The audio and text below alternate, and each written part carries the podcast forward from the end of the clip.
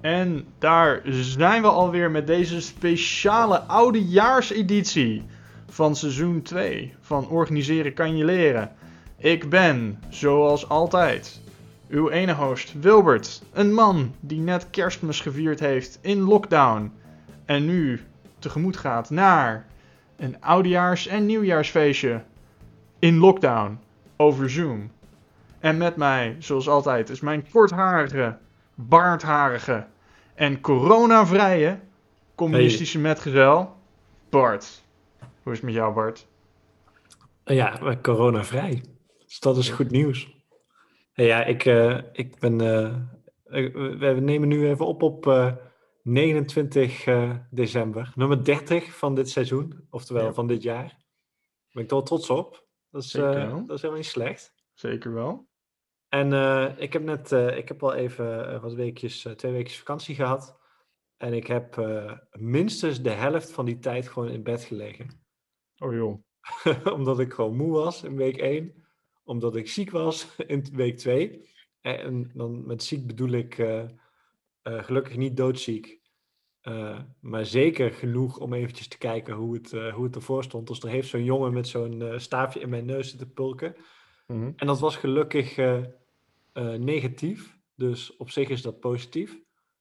Dat het negatief is? Ja, precies. Want het dus, zou uh, negatief zijn geweest als het positief was geweest? Precies, precies, precies. Ja, het is heel gek hoe ze dat uh, zeggen, maar dus zo is het. Dus, en nog steeds, joh. Ik heb, ik heb nog nooit zo weinig bier gedronken in een vakantie. Dus dat... Ik, het gaat inmiddels wat beter. En het vond wel belangrijk om nog eventjes deze op te kunnen nemen voordat we het nieuwe jaar ingaan ik heb het lichtste biertje gezocht wat ik heb. dus laat ik daar maar even gelijk over beginnen.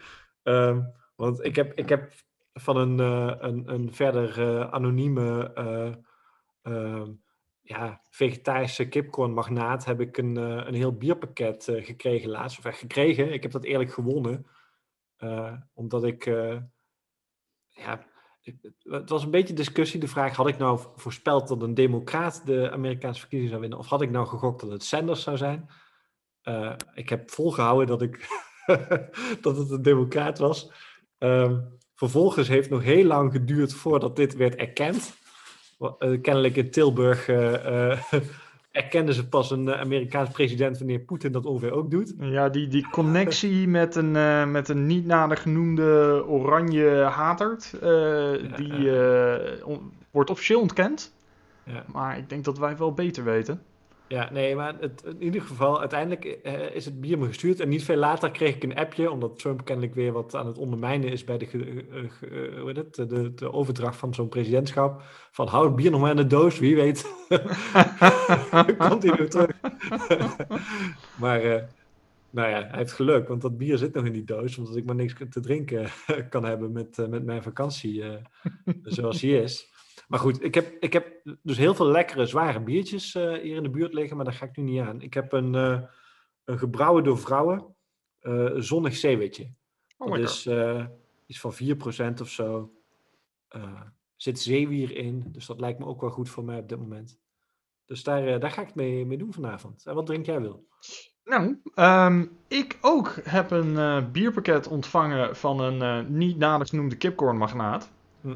Uh, ik had, uh, voor zover ik weet, geen weddenschap met een niet nader genoemde kipcornmagnaat. Dus uh, na, het, na het verhaal van jou, nee, ik dacht eerst van, oh, dat is, gewoon, dat is gewoon een leuk kerstcadeautje. Gewoon vanuit de vriendelijkheid. Maar nu denk ik dat het, dat het meer is dat hij, dat hij vooral wou zorgen dat jij niet in je eentje zo'n zo'n kerstpakket zou krijgen. Gewoon, gewoon van, ja, hij is er jou eentje schuldig, maar mij stuurt hij, stuurt hij er ook gewoon nog eentje gewoon om jou extra te sarren. En dat, dat, daar kunnen we alleen maar aanmoedigen, want er is bier naar mij gestuurd. En dat, dat, ja, dat moedig ik gewoon aan, weet je, ongeacht de omstandigheden. Dan ben ik wel weer benieuwd of jij ongeveer hetzelfde hebt gekregen. Wat voor een, wat, wat, wat, waar, waar begin je mee vanavond? Um, nou, ik heb, er, ik heb er al een paar op. Uh, en het is, het is allemaal beer for... Nu, vandaag? Of, uh... Nee, niet, niet vandaag, niet vandaag. Okay. Nee, het is allemaal Beer for Thought van uh, brouwerij Frontaal. Mm -hmm. uh, en ik, uh, ik drink vandaag de Andreas. Een Bredase triple. Laat eens even zien. Een blikje. Oh nee, dat is wel echt anders dan wat ik, Maar dat lijkt me ook, dit lijkt me wat meer in jou. eh, want ik had echt allemaal van die eh, stout. eh, Oh, ik heb, ook, ik heb ook een Black Imperial IPA. ja, die zat er ook tussen. Ja. Ja, ja. Dat, eh, die, heb ik, die heb ik ook koud staan. En dan denk ik van, nou, als, als deze opkomt, deze aflevering... Want dit is natuurlijk een speciale aflevering. Mhm. Uh, maar als deze opkomt, uh, dan, uh, dan ga ik denk ik die, die Black Imperial maar eens even proberen. want dat klinkt wel heel... ik, heb, ik heb nog nooit een Black Imperial IPA op. Ik heb sowieso nog nooit een Black IPA op.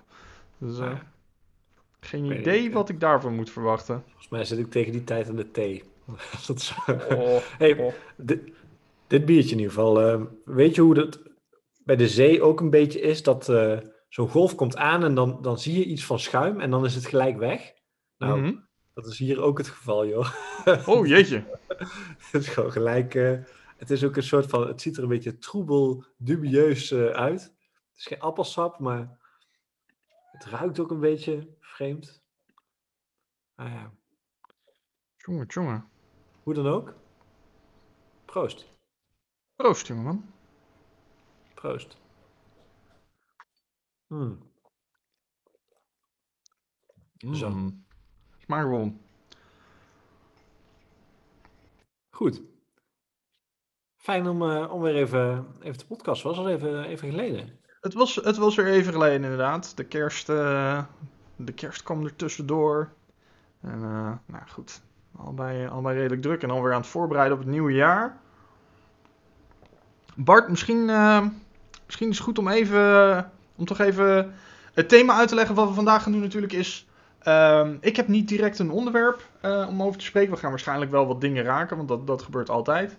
Ehm, maar het leek mij wat leuker om, om hier ook weer iets een, een iets wat langere aflevering van te maken. Eigenlijk een beetje een oudejaarsconferentie. Hm. Ga even een terugblik, ook eh, op, eh, op wat er in 2020 allemaal gebeurd is en wat ons opviel. En misschien ook, eh, ook leuk om gewoon even een terugblik te doen op onze podcast. Nederlands meest beluisterde speciaal bier slash organisatiewetenschappen podcast. Zoals wel bekend. Dus ik heb even de, de statistieken erbij gepakt. Hm. Bart, vorig jaar Mhm.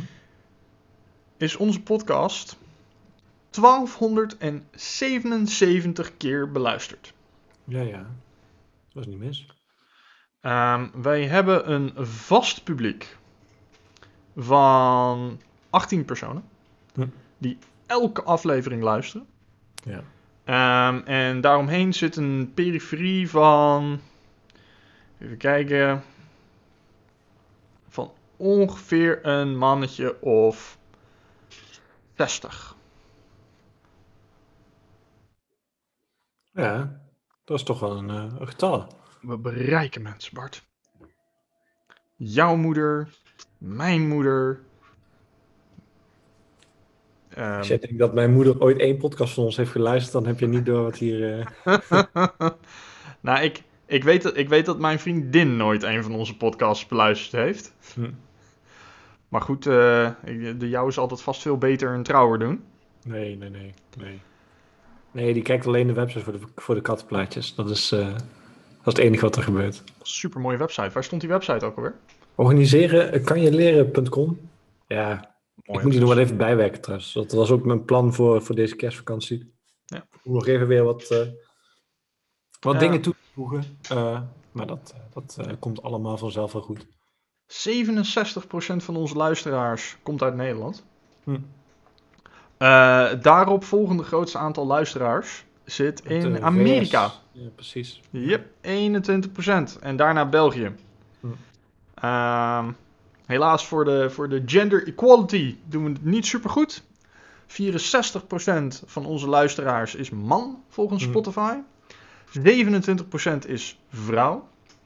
9% is eh, not specified. Eh, en 0% is non-binary. Ja. 100% van de, van de hosts dit jaar waren ook man. Dus eh, Voor zover ik weet. ja. In ieder geval. Ik, ik weet niet of jij nog openbaringen gehad hebt afgelopen jaar. Nee, het is wat het is. En qua, qua age range, eh, het grootste aantal van onze luisteraars zit, eh, zit zo tussen de 28 en 34. Met op de tweede plek de 35 tot 44-jarigen. Ja, precies. Ja, ja. Allemaal niet gek. Niet populair onder de 60-plussers. Hm. Ehm 40% van onze luisteraars zit op App- Apple Podcasts. En 25% zit op Spotify. Hmm. Hmm, opvallend. Ja. Nou, mooi overzicht. Ja, ja. ja, al met al ehm, best wel tevreden. Die 18 mensen mogen, eh, voor zover ze dat eh, via die Apple, pod, of Apple eh, Store eh, doen, wel eens een keertje allemaal vijf sterren geven. Dat lijkt me wel een goed plan. Dat, Mooi eh, dat, voornemen voor het nieuwe jaar. dat zou zeker heel erg mooi zijn, inderdaad. comment erbij. En natuurlijk fanmail sturen op organiseren.pm.me. Dat is altijd goed, ja. Ja. Hoewel, ik kan me wel voorstellen dat mensen een beetje geïntimideerd zijn door al die bierpakketten die nu eh, rond zijn gestuurd. Dat is ook weer zo. Dat is ook Dus, weer zo. eh, Zover hoef je ook niet te gaan. Maar alles wordt gewaardeerd. Dus eh, maar los daarvan, ik heb er ook weer van genoten afgelopen jaar. Het is altijd toch eh, het is altijd fijn om eventjes eh, te sparren. De ene keer gaat dat eh, duidelijk eh, beter dan de andere keer. Ik, Mhm. eh, altijd als ik de, de aflevering ga, ga terugluisteren om, om hem te digitaliseren op de website, weet ik van tevoren wel ongeveer wat we, wat we hebben gezegd. En heb ik een bepaalde vrees van, van, van hoe het ongeveer is gegaan. En, Mhm. en elke keer als ik hem terugluister, valt het enorm mee. Dan blijkt toch dat als wij aan het praten zijn, dat, we, dat, het, dat het lukt om niet eh, eh, te onduidelijk te zijn. Eh, om, het lukt ons aardig om hele zinnen te maken. We praten vrij rustig. Het is af en toe verhit. Vooral als we, als we elkaar niet goed begrijpen en nog niet zoveel zin hebben om elkaar te begrijpen. Hoewel het ook wel aardig is gelukt om een aantal keer goed te discussiëren over zaken als belastingen of zo. Met name rondom erfenissen. Dat was denk ik de meest verhitte aflevering eh, die we gehad hebben. Ja. Maar Rond die tijd hadden we ook de meest beluisterde, meen ik. Eh, ja, we hadden een. ehm, even kijken. We hadden een interessante piek. Ik denk aflevering 6, Ehm, 7, rond die tijd. nee, aflevering, aflevering 21. Ehm, toen die uitkwam, hadden we het, het grootste totaal aantal plays. Hm. 21 gecombineerd. was waarover? Ehm, 21 was eh, schuld en waarde. Hmm. Dus even kijken, toen zaten we qua, qua luisteraars ook op het, eh, op het toppunt. Het is niet de meest beluisterde aflevering. Ehm, maar dat is de aflevering waarin jij de kokosnoot omarmde. Ja. Ik twijfelachtige keuzes maakte in bier. En we ingingen op eh, geldbelasting en staatsschuld. ja, precies. Daar was ik al bang voor. Het was best een ingewikkelde aflevering, meen ik. Ik ga hem toch even terugkijken wanneer het precies was, wat, eh, wat we nog meer hebben besproken. Oké. En daarvoor? Ehm, de piek daarvoor was. Kijken. De pagina met sti- statistieken laat af en toe wat, ehm, wat traag. De piek daarvoor was. Even over, eh, je had het net over eh, schuld en waarde. Was, dat was die aflevering waarin ik probeerde om uit te leggen hoe dat boek van, eh, van Kelton in elkaar zat. Ja. Van die Modern Monetary Theory. En dat is, ik was een beetje bang toen die uitkwam, omdat ik mezelf, eh, ik was niet de meest geduldige eh, host eh, dat gesprek. Ik was nog met dat boek bezig. Mhm. Ehm, maar ik wilde dus even testen hoe ver ik kon komen. En hoe ver ik jou mee kon. En, en wat er gebeurde was ook ongeveer wel wat, wat meestal hierover wordt gezegd. Namelijk dat het heel moeilijk is om, om, om een soort van begrijpelijk verhaal ervan te maken. Los van de vraag of het klopt. Is het ook een verhaal wat je makkelijk over kan dragen? Dat is eigenlijk de, ook het, het verhaal wat zij vertelt in dat boek. Op een gegeven moment eh, heeft eh, Kennedy zo'n gesprek met zijn, eh, of met een aantal economen. Van joh, ik snap dit, maar ik kan dit nooit gebruiken, want niemand gaat dit ooit zo begrijpen. Interessant ding aan, aan haar boek. Zo is ook een interessant vraagstuk over hoe wetenschap, over hoe ook nu rondom corona, dat het niet alleen maar gaat over uh, gelijk hebben, maar ook over gelijk krijgen. Ja. En Ja. hoe dat zich verhoudt, hoe wij ons verhouden tot autoriteiten. Ja. Maar goed. Grappig Ehm, dat die best is beluisterd. Ik, eh, dat had ik niet verwacht. Nee, die is niet het best beluisterd. Dat was Oh, toen we het grootste aantal totale luisteraars hadden. Maar dat is een optelsom van meerdere afleveringen. Ehm, de, eh, de top 3 van meest beluisterde eh, afleveringen in seizoen 2. Ehm, het is de eerste aflevering van seizoen 2, Data en Invloed. Hm. Ehm, daarna op de tweede plaats Afstand en Vertrouwen. Eh, dat was Ja. toen we net in lockdown gingen, ehm, waarin we het hadden over nou ja, goed, afstand en vertrouwen. Ja. Veel is teruggekomen, ook verder het nieuws en zo. Dus eh, Ja, en daarna op een gedeelde derde plaats aflevering 2, Bailouts en Black Swans. Hm. En Thuiswerken en Balans, aflevering 16. ja, die dacht ik dat die het heel goed deed. Ja, leuk. Ja. Nee, dat waren ook goede, goede afleveringen. Niet dat de rest zo slecht was hoor. Waren allemaal, eh, allemaal goede afleveringen. Is er nog een aflevering waar jij, eh, waar jij echt trots op terugkijkt? Vond het, ik vond eh, onze Netflix en chill leuk. Ja. Concrete casus. Hoe doet zo'n bedrijf dat? Ja. En hoe kijken wij daar met z'n tweeën vanuit onze, onze perspectieven tegenaan? Ik vond het een leuke manier om, eh, om de podcast te doen. Ja, die vond ik echt leuk. En jij dan? Ehm, ik ben zelf best wel trots op, ehm, op aflevering 20, eh, vergelijking en voorkeur. Hm. Ehm, waarin we ingingen op, eh, op discriminatie en biases en dergelijke. Ik heb daar het idee dat we een heel moeilijk onderwerp hebben gepakt. Ehm, wat, wat heel veel dingen eh, natuurlijk heel emotioneel en heel persoonlijk kan raken. Ehm, en ik, ik heb het idee dat we daar uiteindelijk best wel, best wel ehm, delicaat en volwassen over hebben kunnen praten.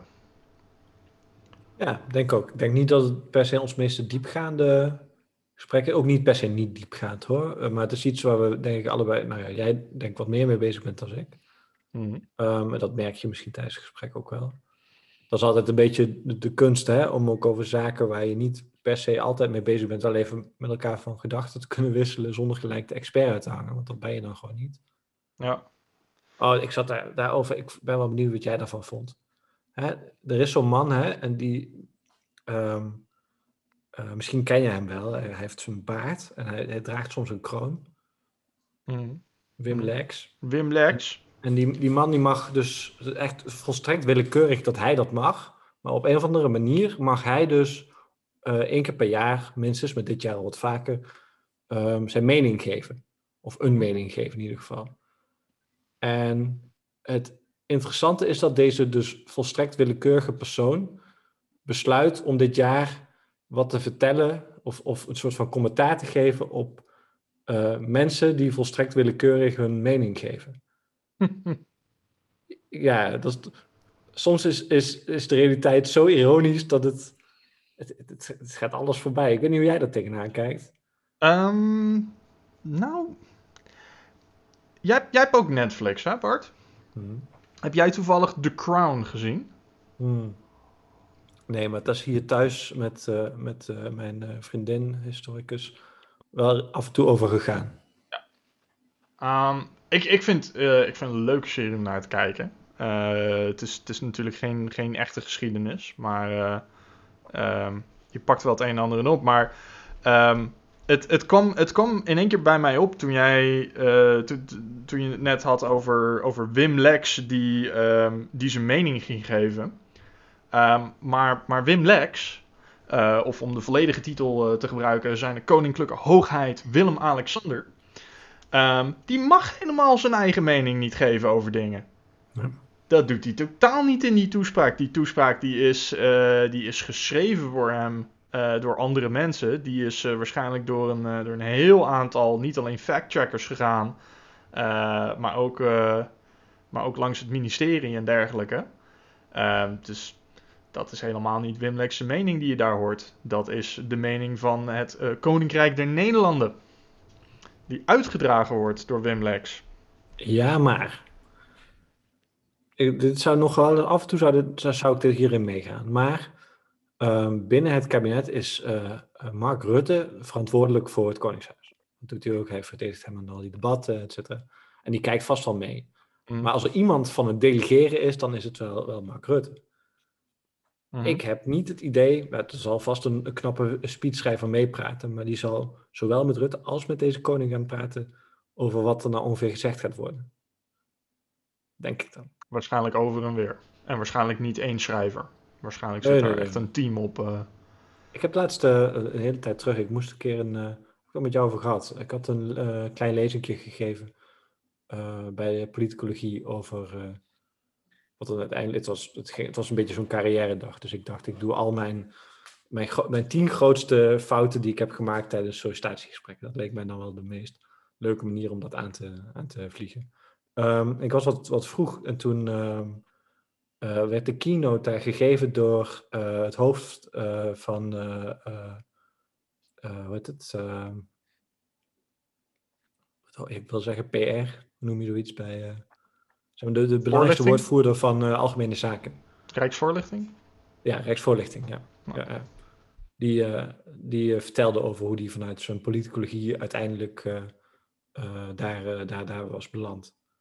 En wat die, eh, hoeveel die schrijft. Nee, dat soort mensen die zijn daar super goed in. Hij, hij was trouwens niet per se een politicoloog, hij was historicus. Hij mhm. vertelde over dat het vaak historici zijn die aan worden genomen daar uh, om teksten te schrijven, omdat historici goed, goed, goed tekst te kunnen schrijven. Ik, een van de belangrijkste dingen die zij leren. Dat merk ik trouwens ook altijd als ik met historici werk. Um, ik weet niet eens wat ik hier nou precies over wilde vertellen. Oh, je, begon met, je begon met een jammer. Dus nou ja, in, ieder, in, ieder, geval dus dat ik, ik, ik zijn met dat soort mensen schrijven altijd mee. En die, uh, men, men, die luisteren ook altijd naar wat ja. En dan nog. Maar goed, ik, ik, ik, ik begon eigenlijk met zeggen van... joh, maar dat was Wim Lex mening helemaal niet. Eerlijk gezegd, als, als het koninklijk huis functioneert zoals het hoort te functioneren... dan komen wij nooit achter Wim Lex mening. Uh, dus ik, uh, ik, ik, ik verwacht een beetje een wederwoord na, na de ja maar... Of denk je dat daar toch meer van Wimlex in zat dan, dan, dan we zouden mogen vermoeden? Ik weet niet. Misschien maakt het dat nog wel erger. Misschien dus zeg maar dat je, dan mag je je mening niet geven en dan ga je tegen de rest van, van Nederland zeggen dat, je, dat ze hun mening maar voor zich moeten houden. Of zo. Dat is ook, ik weet niet. Ik vond het sowieso, ik vind de koning altijd gek, maar dit vond ik allemaal ook heel erg vreemd. Ja. Los daarvan, hè, ik bedoel, de, waar het commentaar op geeft, uh, dat is allemaal prima. Uh, maar is ook volstrekt niet nieuw of zo. Nee. gaan mensen die heel graag met elkaar discussiëren en heel graag snel meningen innemen, vooral uh, vertellen dat ze dat niet mogen doen, dan gaat het alleen maar harder. Daar hebben ze een mening over, vermoed ik. Ja, nou, dan zie je hoe ik hier uh, nu al begin. Dus, uh...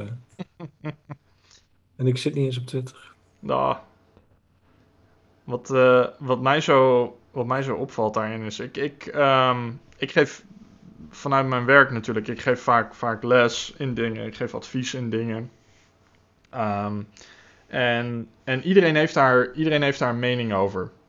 En, en een van, denk ik, de grote malaises van de tijd waarin we leven is dat um, mensen verwarren twee dingen met elkaar. Um, want ja, we hebben vrijheid van meningsuiting. Iedereen, iedereen mag zeggen wat hij wil, mag denken wat hij wil. Um, maar ik denk dat mensen daar heel makkelijk in doorschieten in dat ze denken dat elke mening even gekwalificeerd is als elke andere. Uh, en en dat, maakt het, dat maakt het link. En ik, ja, dat is vaak een mate van zelfoverschatting, natuurlijk. Ja, ja en, um, ik denk dat het, het, het helpt ook niet in deze tijd dat je heel snel mensen hebt die dat met jou eens zijn. En dan krijg je, krijg je ook nog de massa achter je. Uh, of heb je het idee dat je deel bent van een massa. Of zo'n toespraak daar dan bij helpt, ik denk het niet. Uh, ik heb geen idee hoe je zo'n probleem kan gaan tackelen.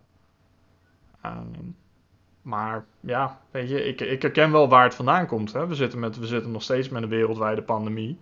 Um, we zitten met een hele hoop experts die daar proberen wat aan te doen en de beste adviezen proberen te geven onder omstandigheden. Um, En, eh, en, en Jan met Facebook, die eh, heeft daar ook een mening over. Ja, nee, ja, waar, waar we het al best wel vaak over hebben gehad, geloof ik, is dat we nu in een wereld leven waarin het veel, veel makkelijker is geworden om in je eigen bubbel te blijven, blijven zitten. Dus heel, heel weinig weerwoord te krijgen. Oh. En het moment dat je weerwoord krijgt, of dat je iets hoort wat je niet bevalt, dat je dat dan maar, maar gewoon, gewoon ontkent, of, of, of in ieder geval uh, weinig mee doet. Hè, dus, dus een soort van fundamentele nieuwsgierigheid, die ontbreekt nog wel eens. Ja. En die gaat samen met een soort van zelfrelativering, van hoeveel kun jij nou weten in je eentje. Ja. Ehm, een, deel ook, ook wensdenken. Ik, ik reageer altijd zo op feiten. Ik denk altijd van, van, van joh, maar...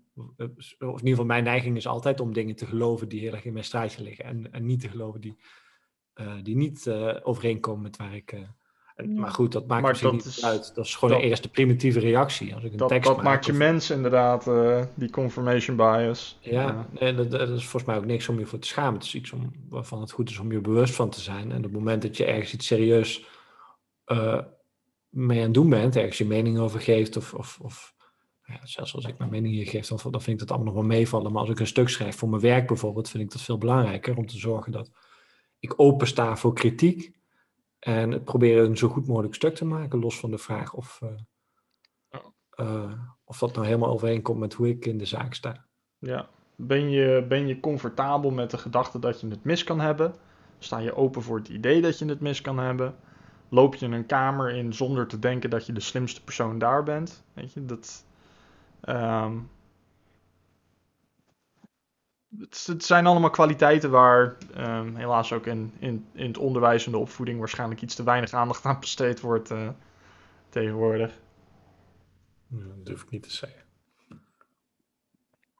Maar dat is maar mijn mening. Ik zou het mis kunnen hebben. Het Ja. komt soms wel eens voor. Tuurlijk, tuurlijk. maar ja, of dat nou echt ooit anders is geweest, weet ik niet. Ja, ja. Denk, het is, het is makkelijker nu om, daar, om je daarin te sterken, denk ik. Vooral, dat, dat, dat, daar, daar is in ieder geval wel wat onderzoek naar verricht. Ehm, hè, waar je vroeger, ehm, als, je, als je een beetje een alternatieve realiteit erop wou nahouden, wou nahouden vroeger, dan eh, begon je een cultus. Of sloot erbij aan, ja. Ja. Eh, of, dus, eh, Of je zat al bij de kerk. Of je zat al bij de kerk, precies. Maar inderdaad, die, eh, die aanpak van joh, eh, zonder, je, zonder je af in een, in een gemeenschap waar je echt eh, alle informatie kan controleren. En of dat nou, of dat nou een religieuze cultus is of, of een gevangenis. In beide zie je een beetje hetzelfde ontstaan. Er, er beginnen, beginnen eigen regels te komen en eigen waarheden en dat soort dingen. Ehm, ik denk met de voortschrijding van de technologie hebben het alleen veel makkelijker gemaakt om, eh, om inderdaad eh, een echokamer in te, in te vallen. Ja, dus dat betekent, en dat is niet heel anders dan wat je net zei, dat het uiteindelijk gewoon belangrijker wordt om mensen daartegen te trainen. Precies. Want het ziet er niet naar uit dat die echokamer voorlopig weggaat. Ja. Of anders op een andere manier terug zal, eh, niet terug zal komen. Dat blijft. Nou, En het is, het is dus fijn om te, om te weten dat in 2021 de investering in het onderwijs in Nederland verdrievoudigd gaat worden. We gaan het zien na de verkiezingen. Moet niet. Right? Ik Yes. zie het niet gebeuren, maar we gaan het zien. We gaan het zien. Nou, als je zegt investering in onderwijs. Je had, je had van de week zo'n redditje omdat eh, eh, Van Dissel hè, van het RIVM had gezegd dat eh, een deel van het probleem lag bij de het laag opgeleide zorgpersoneel in de eh, eh, verzorgingshuizen. Ehm, twee dingen daarover. Ik ben toevallig de laatste tijd heel erg veel in verzorgingshuizen geweest. Je kunt veel zeggen daar, maar het probleem is niet het opleidingsniveau, maar het is gewoon echt hoeveel personeel er is en alles. Maar het tweede ding is dat er is af en toe een soort van, ehm, van je ziet nogal eens het idee dat mensen, eh, mensen denken nogal eens dat, dat je, dat, dat de mensen die ehm, grote fouten maken als het gaat over de vraag hoe werkt vaccinatie of zo. uh, dat dat allemaal mensen zijn die niet goed opgeleid zijn of zo. Of die uh, laag geschoold zijn. Hè, dus, dus, dus als je, als je uh, maar je universitaire diploma bent, dan ben je in ieder geval geen idioot. Helaas. Terwijl je hoeft niet heel lang daar rond te lopen om te zien dat, dat daar ontzettend veel idioten tussen lopen. Net zoveel als elders. Ja. In ieder geval, dat is mijn indruk. Nee, maar dat is, dat is die klassieke denkfout, hè? Dat, uh, dat als jij um, goed bent in één ding, dat dat automatisch vertaalt naar uh, ook Precies. goed zijn in andere dingen. Hè? Dat ja. is. Um, en, en, dat hebben we in Nederland vaker meegemaakt. Dat is een van die klassieke dingen van als een, als een professor in Nederland spreekt over zijn eigen vakgebied, kan je redelijk veel vertrouwen in hebben. Is hij heel goed in. Um, op het moment dat hij over dingen gaat praten die buiten zijn vakgebied liggen, eh, dan is hij net als elke andere Jan Doedel. Los daarvan heb je ook nog dat professoren vaak een soort van ja, een weg in zijn geslagen met hun mening en hun, zeg maar, bijvoorbeeld wat je, wat je in de politicologie vaak ziet, is dat een, uh, een professor heeft een boek geschreven met een bepaalde theorie. En zijn carrière hangt samen met die theorie. Uh, hoewel het ook nog wel eens wil gebeuren. Neem een uh, Paul de Gouwe, een econoom in, in België, die juist heel beroemd op een gegeven moment werd met het totaal vrij vroeg omslaan van zijn, zijn hele denkkader. En daar heel erg voor naar buiten. En daarmee dan weer ja. Zo kun je ook beroemd worden of blijven. Of, ja, er, zijn, er, zijn een paar, er zijn een paar. Eentje die in mij naar boven komt uh, als we het daarover hebben is uh, Ralph Stacey. Hm. Uh, zijn, zijn onderzoek heeft echt twee fases. Ehm, en ik ben heel erg aan het parafraseren op dit punt. Maar in de eerste fase van zijn onderzoek was hij was die echt aan het kijken van... joh, wat maakt nou sommige planningen en dergelijke wel betrouwbaar en, en wat nou niet... Um, en, en daar had hij zo'n heel overzicht in gemaakt van, joh, um, hè, is, er, um, is er duidelijkheid over wat de, wat, de, wat de behoeftes zijn? Is er duidelijkheid over wat er, wat er nodig is technisch om het te realiseren? Is er duidelijkheid over de mensen uh, die ermee aan de gang moeten gaan? Wat is de schaal van de mensen? En daar kwam die uiteindelijk bij, bij vier domeinen van werk. Hè? Simpel werk, uh, gecompliceerd werk, complex werk en, en chaotisch werk. Um, en dat is iets dat nog, dat nog veel wordt aangehaald in, uh, in organisatiekringen. Zeg maar voor, voor hoe je je bedrijf moet inrichten en et cetera, et cetera, et cetera. Maar dat was fase 1 van zijn werk. Um, fase 2 van zijn werk zegt hij eigenlijk dat fase 1 allemaal onzin is. Want bij nader onderzoek heeft hij geen simpel of gecompliceerd werk kunnen ontdekken. Het is mm. allemaal complex. Uh, en wat dat betreft is hij heel erg in hetzelfde schuitje komen, komen te zitten als Um, waar, waar Taleb en, uh, en Annie Duke en dergelijke ook zitten. Van joh, er is, het is allemaal complex. Je hebt te maken met onbekende factoren. En elke keer als je denkt dat de boel stabiel is, dan ben je gewoon jezelf voor de gek aan het houden. Um, dus dat is wel. Dat is wel een hele leuke. Maar dat is, dat, uh, dat is ook een boodschap die. Um, moeilijk is om over te brengen. En dat, dat zie je bij Stacy vooral. En dat hij nog steeds vooral bekend is vanwege fase 1 van zijn werk. Omdat dat nog. Het is makkelijker te verteren dan fase 2. Wat makkelijker te gebruiken. Dat is een probleem met Taleb op heel veel punten, vind ik. Ja. Goed, we moeten het volgend jaar sowieso nog maar eens een paar keer over Taleb gaan hebben. Want dat uh, hebben we dit jaar. Hè, tegen de tijd dat ik het boek uit had, uh, hebben we het er niet meer over gehad. Ja. ja. Weet je, dat was zo'n verkiezing in de VS die nogal wat van onze aandacht uh, vroeg. En toen hadden we de Belastingdiensten.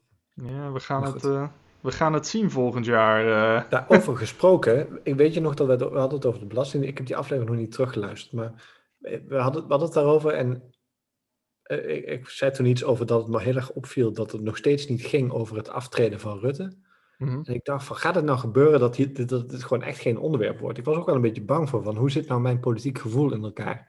Maar gelukkig, niet, niet lang daarna, verschenen overal uh, stukken met, uh, met de vraag van, uh, gaat het nou gebeuren? Is dit het moment?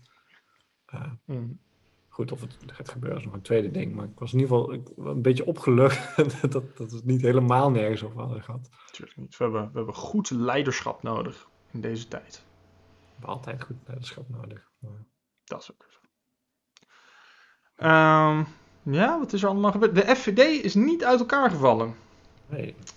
Dat. Uh... Oh ja, er is wel weer, zeg maar, we, hebben het toen nog over klein rechts gehad. Nou, klein rechts is weer, heeft weer een extra partij, hè? Die heet Ja, uh, ja 21. Oh ja. Nou, dus, mooie, uh, mooie titel, duidelijk. Ja. Nee, precies.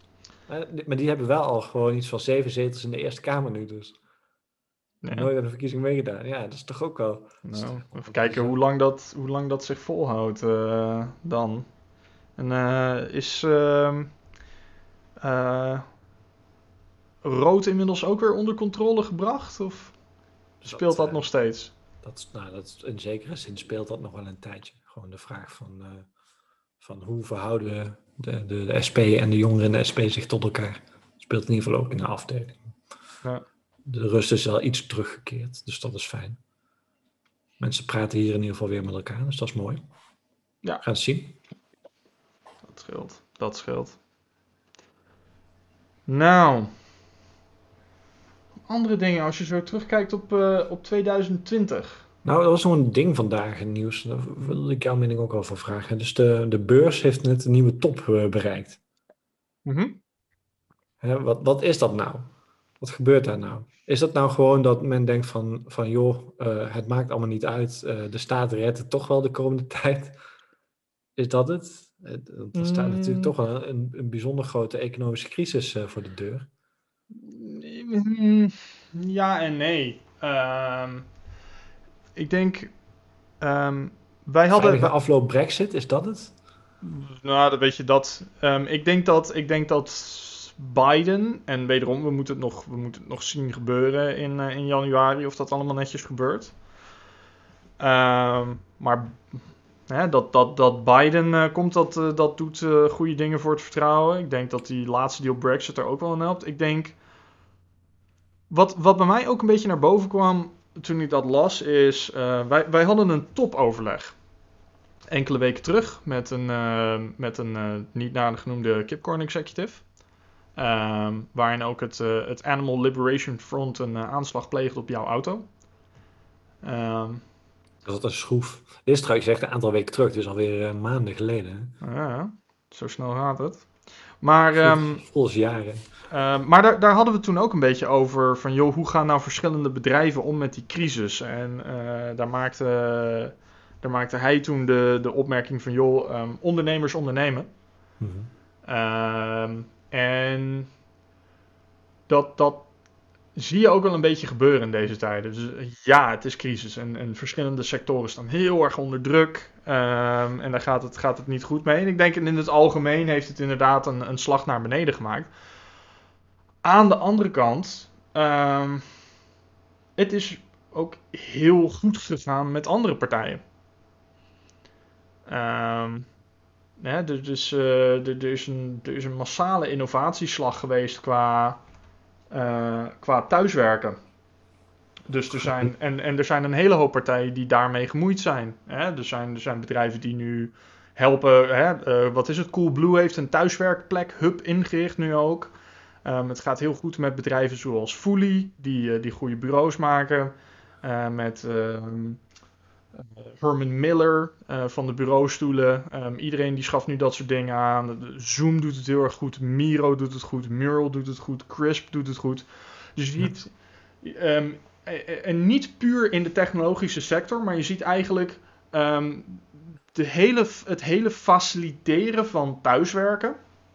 En, en de hele supply chain die daarbij komt kijken, tot aan bezorgdiensten aan toe. Die hebben eigenlijk een heel erg goed jaar. En dat neemt een vlucht en dat raakt alle, uh, eigenlijk alle strata van de economie wel. Dus, um, en dus oh. ik, ik, maak hem, ik maak hem even af. Ja. Um, en, en je ziet dus dat best wel veel bedrijven ook om diezelfde reden een beetje schoon schip aan het maken zijn qua loze uitgaves. Dus ik, ik geloof er was, uh, er was een partij in Nederland, Proximus, uh, ik weet niet zeker. Uh, maar die hebben één hele flat gewoon opgegeven. Um, die zeiden van, joh, we gaan ook echt niet terug naar volle bezetting op kantoor. Dus we hebben veel minder ruimte nodig. Um, dus um, je ziet ook veel bedrijven maken best wel een, een efficiëntieslag mee nu. Dus je ziet, je ziet een kostenreductie zonder dat daar noodzakelijk een headcountreductie uh, mee gemoeid gaat. Dus voor wat betreft dat soort beursgenoteerde bedrijven en nieuwe beursgenoteerde bedrijven die nu naar IPO's gaan en venture capital uh, fondsen die opeens nu veel meer uitbetaald krijgen qua initiële serie A of serie B investeringen dan ze verwachten, omdat veel meer bedrijven eigenlijk grote groei doormaken dan initieel gedacht werd, zie je dat daar best wel een boost in zit. Hm. Dat neemt natuurlijk absoluut niet weg dat ik denk, weet niet zeker, maar ik denk dat onder de streep er inderdaad een economische crisis aan zit te komen. Uh, in meer of mindere mate. Ik denk dat we de horeca, uh, dat, ik weet niet of dat terug gaat veren. Uh, maar ja, dat, dat, dat stukje hoop, dat doet veel met mensen. En ja, goed, waar, waar je natuurlijk wel achter komt, de hele beurshandel is veel meer een emotioneel spel van hoop en, en, en goede voornemens, dan dat er echt heel erg rationeel op gehandeld wordt. Ja, een beetje lachen toen je het had over dat zeg maar Biden dan, dat het dan weer wat hoop doet, doet opleveren op de beurs. Want toen Trump werd gekozen was er niks mis met de beurs. Die ging alleen maar omhoog. Um, wat je net zei hè, over die, uh, die veranderingen in organisaties die nu, nu heel snel zijn gegaan. Toen ik bedrijfseconomie studeerde, had ik op een gegeven moment zo'n vak. Um, en daar mochten we een organisatie min of meer opnieuw inrichten. Van hoe zou je het doen of wat, wat voor een reorganisatieplan zou je daar nou gaan doorvoeren. En ik had een, uh, een thuiszorgorganisatie die ik um, zeg maar een beetje buurtzorgachtig... Uh, is, ik, wil, ik wil niet zeggen dat ik buurtzorg heb uitgevonden, verre van. Maar dat soort ideeën, die waren voor mij heel in, uh, intuïtief. Dus dat, dat was 2005 of zo. Dus een soort organisatie wat, wat ik op, op papier had gezet was kleine teams, financiële administratie bij elkaar, um, uh, licht met, met, met um, administratie en zoveel mogelijk digitaal en zoveel mogelijk zeggenschap geven. Dat is min of meer het, het model. En het commentaar wat ik toen kreeg, ik had trouwens een docent die dat prima vond, hè, die zat ook niet per se op van het moet allemaal zo goedkoop mogelijk, maar van, die vond het wel, wel interessant wat ik ook dacht of wat nou zou de beste organisatie zijn. Uh, maar die zei direct van joh, uh, wat jij van plan bent met die tablets of die laptops, ik weet niet meer wat dat in die tijd was, ja, dat gaat niet. Je hebt het wel over een, uh, een groep mensen die dat werk uitvoert, die dat gewoon niet gaat kunnen en niet makkelijk oppakt. Um, en het gaat nog wel een generatie duren voordat dat voordat dat erin zit. Hè, daar kun je wel mee beginnen, maar om dat al zo ver door te voeren, dat gaat echt tot problemen leiden. En dat kun je zo bedenken, maar de uitvoering lukt dat niet. En ik denk dat dat helemaal, helemaal waar was. En sindsdien denk ik daar ook wel altijd op zo'n manier naar van, joh, wat, wat, als wat ga je doorvoeren? Heel goed nadenken over, kunnen mensen dat aan? Um, wat me echt heeft verbaasd dit jaar, en niet per se verbaasd, maar wat echt nieuw is volgens mij, is dat een hele grote groep mensen heeft moeten leren om te videobellen, om te Zoom overleggen, om van alles digitaal te doen, uh, wat ze daarvoor niet konden. En, uh, en ik, ik zie ook wel dat bij de, de, de, de zeg maar de, de, de, de tegen de pensioenleeftijd uh, aanzittende ouderen het daar wel, wel lastig mee hebben. Ehm, die, die vinden dat toch niet de, fijnste manier van vergaderen, maar iets daarvan af gaat het alweer stukken beter. Um, en dat is, dat is echt wel nieuw. En dat zorgt ook voor hele nieuwe manieren om dingen te organiseren. Denk bijvoorbeeld in de politiek is het nogal eens zo dat je bijvoorbeeld een scholingsavond wil organiseren. En dan moet je allemaal mensen naartoe krijgen en motiveren, et cetera. Nu is dat voor een veel grotere groep digitaal toegankelijk geworden. Dat is echt nieuw. Mm. Um, en dat biedt heel veel mogelijkheden. Uh, los van dat het ook daar wel goed is, politiek, om nog wel eens bij elkaar te komen. Um, maar je kunt toch wel een aantal dingen op een schaal organiseren die daarvoor gewoon niet mogelijk was. Uh, ja, dat is heel interessant. Heel leuk. Zeker. Bart, mijn bier is op. Ah. Um, ik stel voor dat wij even een kleine pauze gaan doen. Helemaal en dat ik een nieuw pilsje ga halen. Laten we dat doen. Tot zo.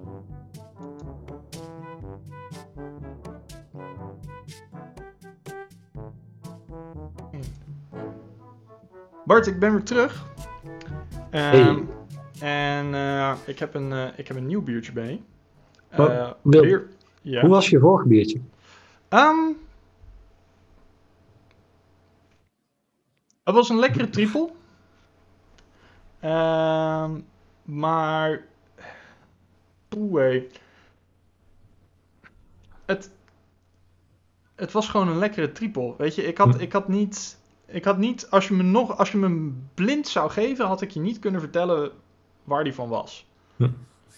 Ehm, het, was een, het was een standaard goede triple, maar wat dat betreft vergelijkbaar met, wat, met een Hertog Jan triple bijvoorbeeld. Oké. Ehm, je weet, er zijn van die trippeltjes waarvan als je ze drinkt, dan kan je echt precies zeggen van, van dat is hem. Weet je, een guillotine of een, uh, of een delirium of een, uh, of een of zo. Um, ja. Die kan je echt met naam en toenaam noemen als je ze proeft. Maar deze, ja, was, was lekker. was gewoon lekker. Oké. Okay. Ik heb Goed. nu um, weer van Brouwerij Frontaal. Hm. Um, een um, Simcoe's birthday, Simcoe's fourth birthday, Imperial Black IPA. Ja, ja, ja. Dat is met, het echte werk. Met chocolademalt. Dus uh, ik heb geen idee wat ik hier moet. Heb jij, heb jij al eens eerder. Want ik ken die Imperial Russian en die Black Imperial Stouts van jou. Maar heb, jij al, heb jij een keer eerder een Imperial Black IPA op? Nee. Nee, ik heb ook geen idee wat dat, wat, dat, uh, wat voor bier dat soort namen krijgt. Uh, maar ik heb deze geloof ik thuis ook. Zou je het blikje even kunnen laten zien? Ja. Dan, uh, ja, precies, met dat hondje. Ja, nee, die, ja. die heb ik ook in de koelkast staan. Ja. Maar die laat ik nog even dicht. Want volgens mij zit die ergens rond de 10% of zo. 8,5. 8,5. Oh, dat is evenveel. Weet je wat? Dan als je een seconde wacht, dan pak ik die ook. Want ik wilde eigenlijk uh, de Apre Kivit pakken, de Bird Brewery. De geliefde Bird Brewery, Bart. Maar dan doe ik wel met jou mee. Want ik, ik, dat biertje wat ik net op heb was, was erg licht. Um, het was net bier. Maar dan bedoel ik vooral ook net bier. Het was eigenlijk gewoon geen bier. Ik weet niet wat het was, maar het was schappig. Maar ik voelde me nog goed, dus ik dacht als ik nog even rustig een beetje verder drink, dan komt het wel goed. Dan pak ik even dezelfde. Eén seconde. No problem.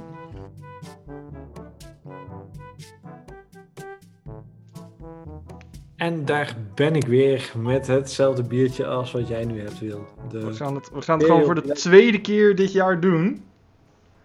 Ja, dit keer wat minder toevallig. Ja, met dank aan onze, onze Vegetarisch Kipcorn connecties. Ik zit even te kijken wat hier allemaal in zit. Roast by chocolate malt. Ook. Oats. Golden naked okay. oats. Hoppa.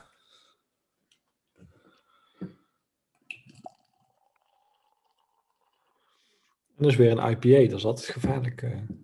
Kijk. Nou. Hoe ruikt het? op je gezondheid. Uh... Oh, die ruikt lekker. Want het ruikt als een IPA, ja. Ja, ik, merk, dat, dat, dat, ik wilde hetzelfde zeggen, alleen dan anders. Mm. het ruikt als een IPA. Veelbelovend. mm, wat belooft wat. Proost, uh, vriendelijke vriend. Proost.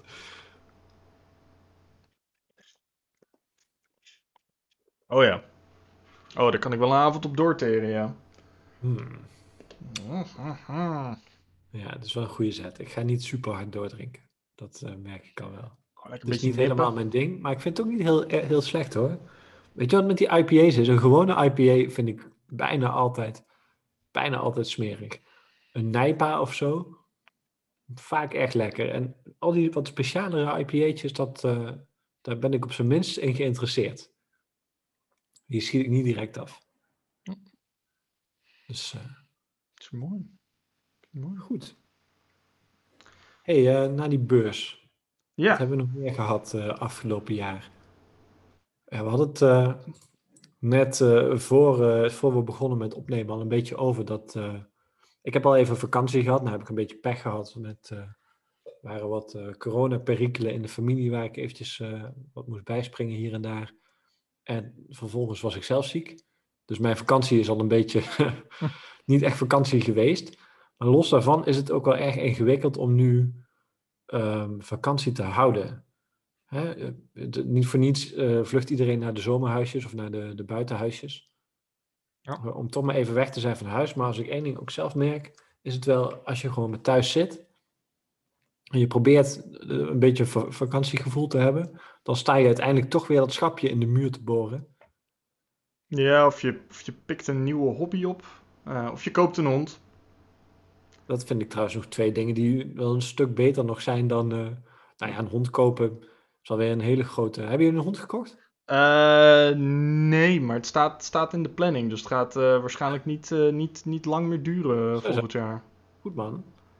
Ik, ik ben, weet je, dan, ja, ik heb al eens vaker tegen jou gezegd. Volgens mij, als jij gewoon een beetje je best doet, kun je een flink mooi rondje lopen langs een Mitra in de buurt. Dat is goed voor, ja. voor, de, voor de, de alcoholdiversiteit van deze show. Ja. en als daar een hond bij is, als die zich een beetje stil kan houden tijdens de opnames, dan ben ik er absoluut voor. Oh, dat gaat wel lukken hoor. We hebben zo'n uh, zo'n Japanse um, hond op het oog, een uh, Akita. Akita. Die moeten we ook uh, redelijk vroeg krijgen, want dat moet natuurlijk met, met de katten opgroeien. Ja, ja, ja. Ehm, maar ehm, die, dat, dat zijn ook wat rustiger, stiller beestjes. Ah, dit is gewoon die memehond, hoe heet die? Nee, nee, nee. Het is oh. dus, um, vergelijkbaar wel hoor. dus je hebt die memehond, dat is een, dat is een Shiba. Mm. Um, en ze lijken heel, heel erg op elkaar. Alleen de Shiba is ongeveer half tot een derde zo groot. Oh ja. Ja, uh, je hoort maar als ik deze hond aan mijn vriendin laat zien, dan uh, zegt ze gelijk, die wil ik ook. Ja, ja. Uh, enige wel is, hè, we, we, hebben het over een economie die het best wel goed doet. Heel veel mensen werken thuis, die komen er ook achter van, joh, ik loop niet genoeg. Ik zit de hele dag achter mijn bureau. Dus het is, de hondenprijzen zijn verdubbeld dit jaar. Rustig. Dus je betaalt voor zo'n hond rustig 1000 euro, hè? Ja, nee, ik zit even te denken over een soort van, van, van woordschap met een hond en inflatie is, maar dat... Uh, Tesseltax, zou ik maar noemen. Ja. Nee, ik, ben, uh, ik heb ondertussen wel een andere hobby uh, opgepakt. Um, hm. uh, ik weet het Nederlandse woord ervoor niet helemaal. Lockpicking. Ja.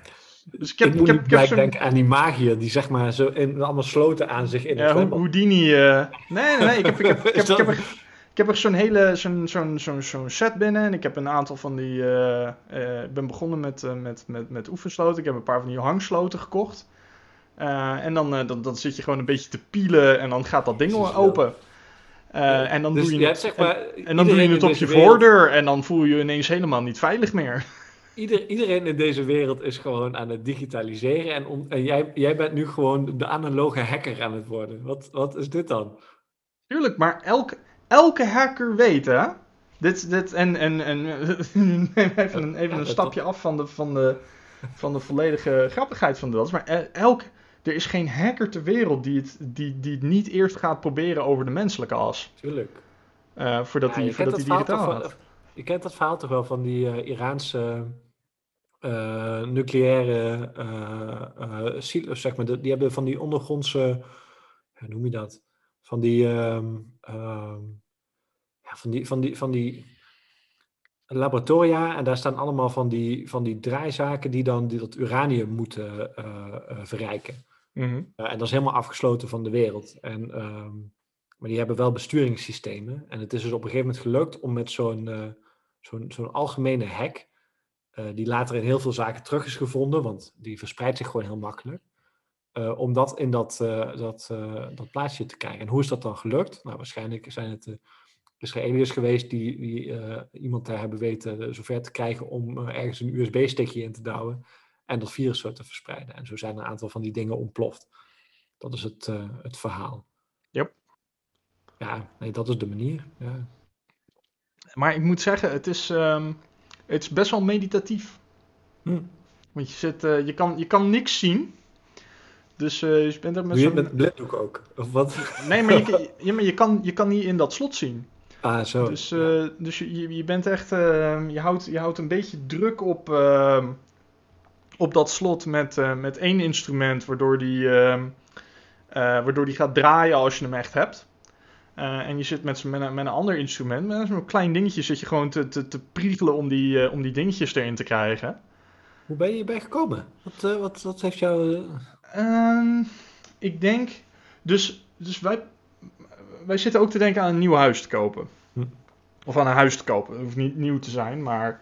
Um, alleen, ja goed, ik ben ZZP'er, dus ik moet eerst een aantal, aantal jaar dat goed doen voordat een bank mij aan wil kijken. Ja. Um, maar uh, ik, ik heb ook een beetje, um, gedeeltelijk uit verveling, gedeeltelijk uh, uh, ook om, om, omdat ik zo'n stoornis heb, eh, ben ik op een bepaald moment onderzoek gaan doen naar nou, wat is nou een goed slot om op je voordeur te zetten. Nou, en ik kwam toen redelijk snel uit bij een YouTube-kanaal, The Lockpicking Lawyer. Hm. Fantastische, fantastisch vent. En die doet gewoon allerlei demonstraties op huissloten en hangsloten en hotelkluizen en dat soort dingen. Ehm, waarin die de meeste van die dingen in 10 seconden of minder, ehm, niet destructief overigens, maar gewoon met een beetje priegelen, um, gewoon open kan kraken. want ik zocht naar, oké, nou wat is nou, wat is nou een, een voordeursleutel uh, of een voordeurslot dat niet uh, in 10 seconden open te breken is. Ja, maar en, en hij heeft het dus, hij heeft, hij heeft dus één of twee van die dingen gevonden van echt van die sloten die niet te kraken zijn. Um, dus uh, zo ben ik er een beetje ingekomen. En het zag er, wel, het zag er allemaal wel leuk uit. ik moet eerlijk zeggen, nu ik er ook mee begonnen ben, is het ook best wel leuk om te doen. Um, alleen dan lees je er wat meer over. En dan kom je er ook achter van, joh, de meeste inbrekers die, um, die, uh, die doen helemaal niks aan lockpicking. Die verseren gewoon die hele deur open, joh. Uh, ja, of die ja, de, of de, de menselijke kant, hè. Mensen die ergens nieuw uh, wonen, dat hoor je vaak, hè, dat, dat daar wordt ingebroken omdat men nog wel eens vergeet om ergens iets dicht te doen. Ja. Hè, je woont er nog maar net. Ja. Ja, ja of ze stikken een ruitje in of uh, zet een breekijzer erachter. Maar goed, uh, toen, toen ben ik er een beetje ingekomen. Toen dacht ik van, nou oké, okay, dat, dat, dat, dat, dat ziet er leuk genoeg uit. En ook omdat het, omdat het allemaal op gevoel is, kan je ook gewoon andere dingen doen terwijl je ermee bezig bent. Dus je kan een audioboekje aanzetten en ondertussen een beetje ah, priegelen met zo'n ding. En nou, het is leuk. Mooi man. Grappig. Ja, totdat je het op je voordeur probeert. Want, Want dan, zit je een, dan zit je een beetje te priegelen en dan zes seconden later door je voordeur klik. En dan zeg je van, oh, Mm, dat had ik niet hoeven weten. Ja, nee, dus die gaat wat vaker op de, op de, de schijf. Ja, nee. Jongen, uh... jongen, jongen. Oké, oké. Ah. Nee, dus... Um, uh, maar nee, qua... qua hè, om, om weer terug te komen naar waar we, waar we begonnen. Um, hè, ondernemers ondernemen. En ik denk een hele hoop mensen en organisaties hebben de coronacrisis met alle lockdowns en dergelijke aangegrepen om, om gewoon een gigantische boost te geven aan, uh, aan het thuiswerkparadigma. Um, en het interessante is, hè, want, want, want er, was, er was daarvoor nog best wel wat praten over, um, joh, dingen gaan weer terug wanneer dit allemaal over is. Of ik vraag me af hoeveel van deze dingen blijven hangen. Um, alleen er is nu zoveel geïnvesteerd inmiddels in thuiswerken. En er zijn ook zoveel bedrijven achter, achtergekomen dat er geen verschil zit of uh, zelfs een efficiëntiebonus en een effectiviteitsbonus. Uh, Ik vermoed niet dat we teruggaan. Ik, ik, ik denk absoluut dat mensen nog wel terug willen naar kantoor. Hm. Ik denk dat het waarschijnlijk gewoon wat, wat flexibeler gaat zijn. En dat, dat, dat zo'n kantoordag veel meer gebruikt wordt voor socialiseren, samenwerken en vergaderen. Ja. Um, maar dat zal misschien twee dagen in de week de standaard zijn of zo. Ik, ik, ja, mijn volk heeft één dag in de week. Het ja. liefst mijn minst productieve dag, vrijdag. Ik, ik, zie het, uh... ik zie het nog wel gebeuren bij sommige bedrijven. Hè, die vroeger hadden ze een thuiswerkdag. Ik denk dat je nu het omgekeerde krijgt. Ik denk dat je nu een kantoordag gaat krijgen. Ja. Van jongens, iedereen doet wat hij wil, maar maandag zijn we allemaal even op kantoor. En daarna mag je het zelf uit, uh, uitzoeken. Precies, ja. Ja, tegelijkertijd denk ik ook dat de organisaties waar dit soort veranderingen nog twintig jaar gaan duren, die kun je nu ook aanwijzen. oh, ja. als, je nu, als je nu bijvoorbeeld nog steeds naar kantoor moet, en ja, die bedrijven bestaan zeker ook, dan, uh, dan hoef je niet te verwachten dat daar de komende tijd dit soort dingen gaan gebeuren. Of men moet echt totaal van religie veranderen in die tijd. Nou ja, onderschat ook, onderschat ook niet sunk cost fallacy en dat soort dingen. Ja, dus ik, ik werk bijvoorbeeld met één bedrijf uh, bezig uh, samen. Um, daar, daar ondersteun ik de HR-afdeling. Hm. Um, ook, in, ook, in, ook in dingen met agility en, en al dat soort dingen. Want die moesten, die moesten echt een verandering door. Hm. Um, maar die hebben nu de hele onboarding met alles erop en eraan omgekit hm. naar, naar een wereld die uitgaat van werk op afstand. Nou, ik kan je vertellen, dat is een, uh, dat is een traject van maanden en een investering van honderden duizenden euro's. Um, dat ga je niet, ga je niet even terugdraaien ook Nee. weer. Dat is, dat is niet, niet gemaakt om, om weg te gooien, om dan weer terug te gaan naar het oude. Nee, nee, precies. Maar de bedrijven die dit soort overstap zelfs nu niet maken, dat bedoel ik, die, eh, daar gaat het nog even, Hmm, die mhm. blijven nog even achter in de vorige eeuw. Ja. Maar goed, dat gaat zich ook, eh, ik bedoel, eh, werknemers gaan het ook niet meer pikken. Ik zag ineens dat ik een vergoeding kreeg, een thuiswerkvergoeding. Die zit er nou in. Ja. Dus, Ik hoop dat de Belastingdienst nu ook eh, toestaat om eh, bureaustoelen belastingaftrekbaar te maken. is dat eh, niet zo? Dat, eh, nou goed, dat is een, dat is een doorlopend eh, discussiepunt tussen een, eh, tussen een kennis van mij en, eh, en mijzelf. Ehm, formeel, als je nu naar, op, op de Belastingdienst site gaat kijken naar dingen waar je, waar je BTW op mag aftrekken, zeg maar bedrijfsuitgaven, dan zeggen ze van nou, bureaustoel is niet één van die dingen, omdat je hem ook voor privé gebruikt. Ehm, ik ben van mening van, joh, op het moment dat de hele wereld aan het thuiswerken is en dat jij rustig 8, 9 uur per dag een bureaustoel gebruikt om te werken vanuit huis, dan is dat een bedrijfsuitgave. Nou, ik kan je het nog sterker vertellen. Dat, dat, volgens mij bij ons zit het zo, maar ik, ik weet niet zeker of dit... eh, zeg maar, die thuiswerkvergoeding, daar, daar, daar, zeg maar, men gaat ervan uit dat je daarmee bijvoorbeeld ook investeert in een bureaustoel en in een eh, bureau, hè? Een, een fijne werkplek. Ja. Mocht het nou zo zijn dat jij in de tussentijd jouw bureau of eh, stoel hebt opgehaald van werk, krijg jij een lagere thuiswerkvergoeding. Hmm. Niet zo gek ook, hè? want je hebt al het ding.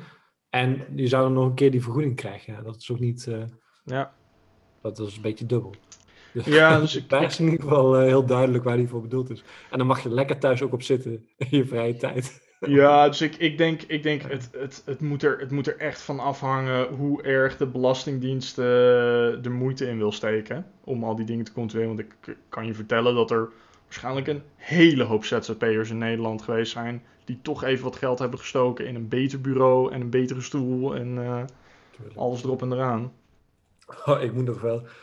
Ik, ehm, ik heb, je hebt zo'n eh, zo'n elektrische eh staarbureau. Hè? Je staat nu geloof ik ook, hè? Ik sta, ja. Eh, ik zit gewoon beneden aan de huistafel. Maar ehm, ik heb boven ook mijn, eh, mijn staarbureau staan.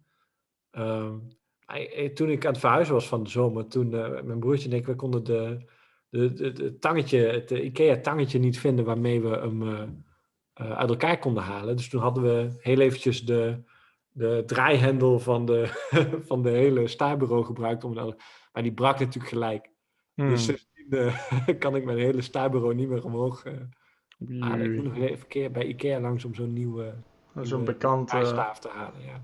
Of ik moet een keertje ergens eh, kijken of ik online niet een klein motortje kan vinden wat je erin kan stoppen. En dan, Je, je, je kan kijken, dus ehm, ehm, ik, ik kwam laatst ook weer ehm, zo'n zo'n heel, eh, zo'n heel Slack gesprek in terecht waar mensen informatie over bureaus uitwisselden.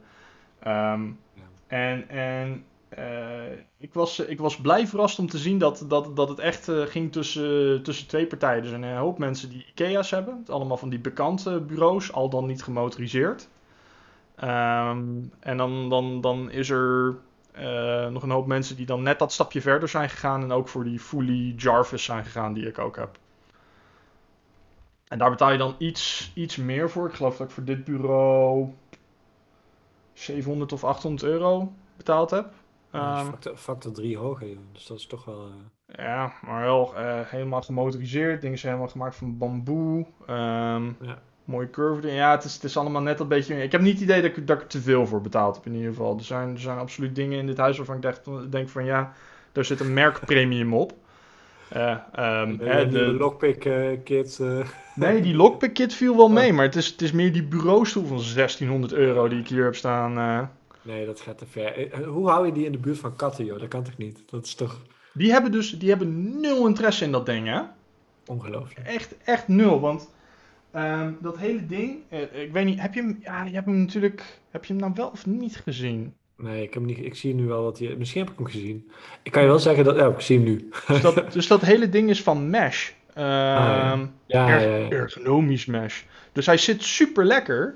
Hm. Ehm, maar, maar die katten die, eh, die, die, die, willen, die willen dikke kussens. ja. Dus die zijn er ook nog nooit opgesprongen of wat dan ook. eh. We, hebben, we, hebben, we hadden in de, Eh, in de woonkamer hebben wij onze, onze grote bank staan. Maar we hebben ook eh, twee rode stoelen cadeau gekregen Mm. eh, van kennissen. En daarmee hebben we nu heel erg fijne, ook wel, wel behoorlijk corona-proeven. Dus als er nog mensen een keer hier op bezoek komen, wat natuurlijk ook nooit meer gebeurt nu, dan hebben we in ieder geval genoeg ruimte voor, voor iedereen. Om een beetje comfortabel uit elkaar te zitten. Maar dat zijn twee hele mooie rode stoelen. En onze katten hebben dus elk ook één stoel. Die zitten op. Maar niet alleen dat, ze hebben in de korte tijd dat wij hier wonen al die hele achterkant kapot gekrapt. Ongelooflijk hoe snel dat gaat. Yep. Het is Yep. zelfs zo erg als je op die stoel zit en zij hebben zin om te krabben. Het maakt ze niet uit als ze een, een beetje misgraaien en ze hebben je rug te pakken, dan doen ze dat ook. Het is echt, eh, gaat heel hard. Oh, dat is fantastisch. Ik hou van katten. Ik hou echt van katten. nee, zeker, zeker. Fantastische beesten. Ik heb ook een, eh, een, een eh, relatiegeschenk op een bepaald moment gekregen van een niet nader genoemde functionaris in de Nederlandse regering. Hm. Eh, doe en denk als een kat. Ja, ja, ja. Mooi. Fantastisch. Stressvrij, rustig, levensgenieter, charismatisch, nieuwsgierig, onafhankelijk. Stressvrij weet ik zojuist nog niet. eh. we hebben, toen wij in ons vorige huis zijn, met, met die twintig katten in de achtertuin, nou, dat was veel stress, joh. Katten hebben wel ruimte nodig. Ja. Maar daarom houden we ons ook binnen. Ja. Veel, veel, veel veiliger en dat zal waarschijnlijk ook verplicht worden, denk ik. of Dat zou althans, wel kunnen. Maar hier vinden ze het buiten nog wel fijn. Het is ook wel fijn dat er niet zoveel vuurwerk is, wat dat betreft nu ook. eh. Dat, eh, dat gaan we nog zien, eh nieuwjaar, hè? Ja, maar goed. Ik, in Nijmegen woonde ik in een wijk waar je, nog, waar je altijd vuurwerk had. Elk weekend wel wat. En hier valt het eigenlijk nog wel mee. Je hoort af en toe een harde knal, maar niks bijzonders eigenlijk. Eh, nee, ik denk dat het wel meevalt. Maar we gaan het zien. Ja, zeker. Nog goede voornemens voor het komende jaar? eh? Ja, daar zal ik nog wel over na te denken, ja. Ik dacht van... eh, ik had wel een podcast voornemen. Mhm. om er ongeveer zoveel te maken als dit jaar. Het leek me wel een mooi streven. Ik denk dat 32, dat dat... Nee, dat moet zeker lukken. Eh, sorry, 52, dat dat eh, eh, te veel is. 30 lijkt me mooi om te doen en misschien een paar meer. Dat zou, Ja, zeker. Het, eh, ehm, een, een idee dat ik wel in mijn hoofd had, en ik wil dat even tegen jou aanhouden nu, Mhm. is, ehm, ik, ehm, ik, ik keek laatst weer een aflevering van Louis Theroux. Mhm. Prachtige documentaires die hij maakt. Mhm. Maar je ziet, je ziet best wel, je ziet af en toe het verschil is dat soms dan pakt hij echt één ding beet in een aflevering. En nou, dat zijn ook echt afleveringen van een uur, anderhalf uur soms. Eh, mooie kat. Dank je. Ja, ik hou hier even een kat voor de camera. Ja. Ehm, maar soms doet hij ook eh, twee parters of, eh, of drie parters. Dus bijvoorbeeld die Westboro Baptist Church is hij echt een paar keer op teruggekomen. Ehm, wij hebben laatst twee afleveringen gekeken. Ehm, de Miami Mega Jail. Hm.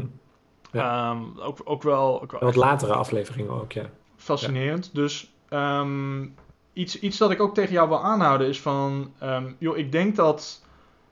vaak hebben we een onderwerp en daar duiken we dan een half uurtje in... en dan zijn we ook echt wel een eind gekomen.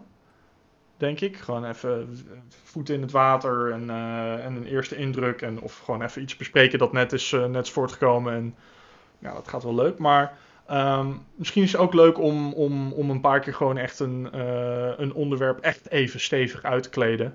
Ja. met elkaar. En dat we gewoon twee, drie, vier afleveringen erop doorgaan. En dan switchen naar een volgende. Nee, Want-. Ehm, bijvoorbeeld de, de, de, de belastingen. Daar zijn we, wat, zijn we denk ik wat snel doorheen gegaan. Ehm, ik wil nog steeds een keer gewoon echt even vakbonden induiken met jou. Ja. Ehm, dus hoe, de- hoe denk jij daarover? Oh, dat, dat moeten we doen. Volgend jaar is ook een mooi moment om vakbonden te doen. Ik heb een projectje op werk wat daarover gaat. Dus rond die tijd ben ik daar denk ik toch wel mee bezig. Er is volgend jaar ook een verkiezing van een nieuwe vakbondsvoorman. Of vrouw, want het gaat tussen Kitty Jong en eh Tuur Elzinga. Ehm ja, zeker. Leuk. Zo zo mee. Dat lijkt ook een beetje op wat we vorig jaar deden. Dus eh, in 2019. Toen we dat min of meer deden voor een halve aflevering van, eh, van een uur en drie kwartier. Hmm. eh, of voor die hele aflevering. Ja. En met sommige onderwerpen lenen zich daarvoor. Dat is prima. Vind ik goed. Ja. Misschien net wat meer voorbereiding. Misschien ook wel niet. Zien we wel. Maar is leuk. Ja. Hoeft trouwens ook niet per se drie, eh, zeg maar twee of drie achter elkaar te zijn. Kan ook eh, zijn dat we later op terugkomen. Ja, dat, dat, dat ook. Hè. Die, eh, die Westboro Baptist afleveringen die liggen echt een jaar uit elkaar elk, geloof ik. Dus, Most Hated Family ook. ja. is juist interessant om te zien wat voor ontwikkeling daar is. Ja. Ja. En ja, mooi. Gaan we, gaan we dat gewoon geweldige documentaire maken. Gaan we dat, eh, gaan we dat lekker doen. En, eh, en hopelijk eh, ook weer wat face-to-face afleveringen. Dat zou ook leuk zijn.